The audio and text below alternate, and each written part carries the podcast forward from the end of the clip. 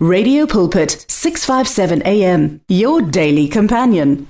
Kungolosihlanu ekseni kulohlelo lapho sithi khona mpahlalatsane ngilithathe leli thuba mlaleli ngikubingelele egameni elihle igama lenkosi uJesu Kristu waseNazaretha ngiphinde ngibongena leli thuba kubahle enhlapho ukusiboleka lona. Bahle uNkulunkulu ke akubusise. Siyaqhubeka ke nendaba yethu mlaleli sisabonisana ngawo amahubo 82 eh la sifunde khona ku verse 6 lapho uNkulunkulu athi ke mina ngithi ningonkulunkulu nina nonke. Nonke ningamadodana ophezu konke. Sabuye mlaleli ivike lendlule safunda ke eh ku John chapter 10 ku verse 34 lapho uJesu aphinde futhi ke aqhubeke abakhumbuza ngamahubo 82 verse 6 lapho ethi khona akulotshiwe yini emthethweni wakini ukuthi ngithi ningonkulunkulu nami ngithe mlaleli la kumahubo ake silibheke ukuthi uNkulunkulu wayekhuluma kobani abe benzani ngoba kwesinye isikhathi kubalulekile mlaleli ukuze siyithole kahle indaba. Sibheke ukuthi uNkulunkulu wayekhuluma kobani abe benzani ababe seyikhundlele ezinjani sibonela ukuthi ke wayekhuluma ke nabahluleli noma namakhansela noma nabonkulunkulu bama-Israyeli. Wayebahlulela lapho. Ngamagama sichaza ukuthi labo abahluleli bekuyibona ama-Israyeli ebebabheke kubo ukuze baxazulule izinkinga zabo. Kepha ke babengathembakali bebangenzi ngendlela efanele. Manje uNkulunkulu usekhulumisana nabo mathupha uhlanganyela nabo ukhuluma nabo ngezinto ezimbi abangaze abazenzayo. Eh abanganakekeli abaswelayo abampofu kepha abacebileyo babahlulela ngendlela engafanele nakhona ngenxa ukuthi ke babheke isikhwama ngoba bacebile. Safunda ke kulentuza kuJohn sabona futhi ukuthi ke noJesu kuze kuze kanjani ukuze abarifelele back lapha yana kulentuzeni eh kumahubo 82 lapho uJesu athi khona kulotshiwe emthethweni wenu ukuthi ningonkulunkulu. Ngamamagama ukuthi umuntu abe uNkulunkulu akuqali ngaye nimangazwa yini? Yini into enimangazayo? Ngoba emthethweni wenu kulotshiwe ukuthi ke ningonkulunkulu. Ngamamagama kuyachaza ke mlaleli ukuthi kumele sibheke izimo uNkulunkulu ayekhuluma ebantwini abanjani abenzane mlaleli. Mina ngisumahluleli angisijaji ngakho ke eh waye ngimele ngizibize ukuthi nguNkulunkulu? Ngoba ngingumntwana kaNkulunkulu kuphelele lapho. Ake sibuyeke mlaleli sifunde lapha yana ke ku Exodus chapter 7 sifunde lapha yana ke ku verse verse 1 uyakhumbula mlaleli ngiyengathi kuwe. Uma sizibiza ukuthi singonkulunkulu singonkulunkulu kobani mlaleli? Singonkulunkulu kobani? Bese uPetro athi ningazenzi amaster emhlambini kaNkulunkulu. Ake sifundeke kuExodus chapter 7 verse 1 uJehova wathi kuMose bheka ngikwenza ube njengonkulunkulu. Akathi ngikwenza ube ngunkulunkulu. Kepha uthi ke bheka ngikwenza ube njengonkulunkulu kuFaro. Ngamamagama uFaro uza kudanisela isiginci sakho.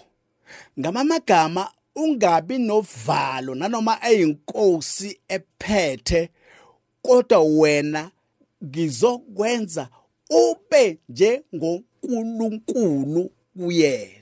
Ake kuphinde mlaleli ngithi la uNkulunkulu akathi weMose ngizokwenza ube nguNkulunkulu kuFaro. Akasho kanjalo. Kepha uthi ngizokwenza ube njengonkulunkulu umlaleli ngamagama njengonkulunkulu ngaleso sikhathi because kune task ekumele uyenze. Kumele ukhipha abantwana bakwaIsrayeli ezweni laseGibhithe esandleni sobugcili sikaFaro. Ngakho ke uma uzobakhipha kudingeka ube nesibindi kudingeka wenze izinto zenzeke. Udinga amandla udinga uNkulunkulu ahambe nawe emlaleni ngakho ke kungako uNkulunkulu amnikeza igunya la uMose akukho futhi kwelinye ivesi akathi kwabanye eh nina eh ngizonenza nibe njengoNkulunkulu. Kepha ubhekene noMose la uthi bheka Mose ngikwenza ube njengoNkulunkulu kuFaro. Akathi kuIsrael akathi kumaGibhite kepha uthi kubani? kuFaro. Manje umbuzo wami mlaleli ukuthi wena uma ungathi nginguNkulunkulu nginguNkulunkulu kubani? Umbuzo ke lo qhamukayo ngoba la uNkulunkulu ba specific uthi kuMose bheka ngikwenza ube njengoNkulunkulu. Kubani? kuFaro Faro ngqo. Ngenxa ukuthi ke uyobhekana nalomuntu ocindezela aba abantwana bami ngakho ke kuye uzoba ngomkhulu. Kuye mlaleli uzobhekana naye ngqo. Oh sukanini badoda. Why ngithi kuwe uma sesizibiza ukuthi ngamagama uma sisithi ke singabantwana baNkulunkulu automatically sesoba uNkulunkulu akashongo njalo. Siseba asisonkulunkulu manje sesihamba emhlabeni thina singonkulunkulu abancanyana thina we are little gods eh thina sibonkulunkulu ayikhona ayihambi kanjalo. La uNkulunkulu uthi kuMose bheka ngikwenza ube nje ngoNkulunkulu. Kubani kuFaro hayi zishubile le indaba simnandi mlaleli. Kubani kuFaro bese uma eseqhubeka uNkulunkulu sethi ke uAaroni umfowenu uyakuba ngumprofeti wakho.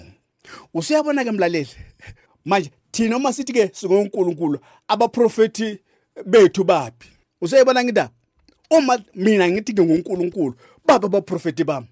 Ngoba phela kumele ngibe nabaprofeti ngoba la uNkulunkulu ba specific. Uthi wena Mose ngizokwenza ube njengonkulunkulu ku eh, kuFaro. Bese ke uAaron abe umprofeti wakho mlaleli. Ake ngibuze bangaka abaprofeti bakho. Ngamagama umprofeti uthatha umlayezo kimina umprofeti wami uthatha umlayezo kumina awundlulisele ebantwini. Manje wena ke uma usungunkulunkulu baphi abaprofeti bakhe abazothatha umlayezo from kuwe bese bawundlulisele ebantwini? Ake sifunde kokugcina mlaleli sizwisisa uJehova wathi kuMose bheka ngikwenza ube njengonkulunkulu kuFaro. uAaron umfowenu uyakuba ngumprofeti wakho mlaleli. Ngisabuza futhi ukuthi uma sizozibiza ukuthi singonkulunkulu singonkulunkulu kobani? Number 1 number 2 sinabaprofeti yini?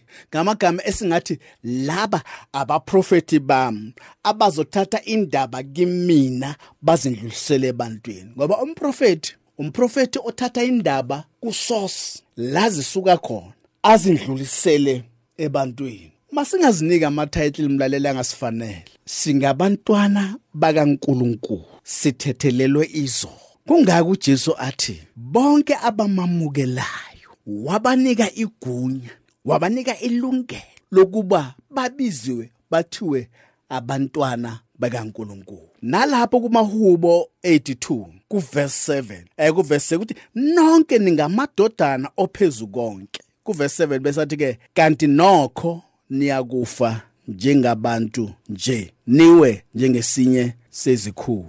Manje uma ufake ungunkulunkulu abantu bakho bona ke sekumele kukhethwe abanye bonkulunkulu. Hayi mlaleli. Ake sithi ke ukuma la okwanamuhla sizoqhubeka kivike lizayo umlaleli uNkulunkulu asise. Ngilithathe ke leli thuba ngiliphindisele kubahle bahle intambo kwezakho baba yilapha ekhaya mlaleli. The words of the Lord are words of life. Your heart is on 657 AM 657 AM Radio for believers in action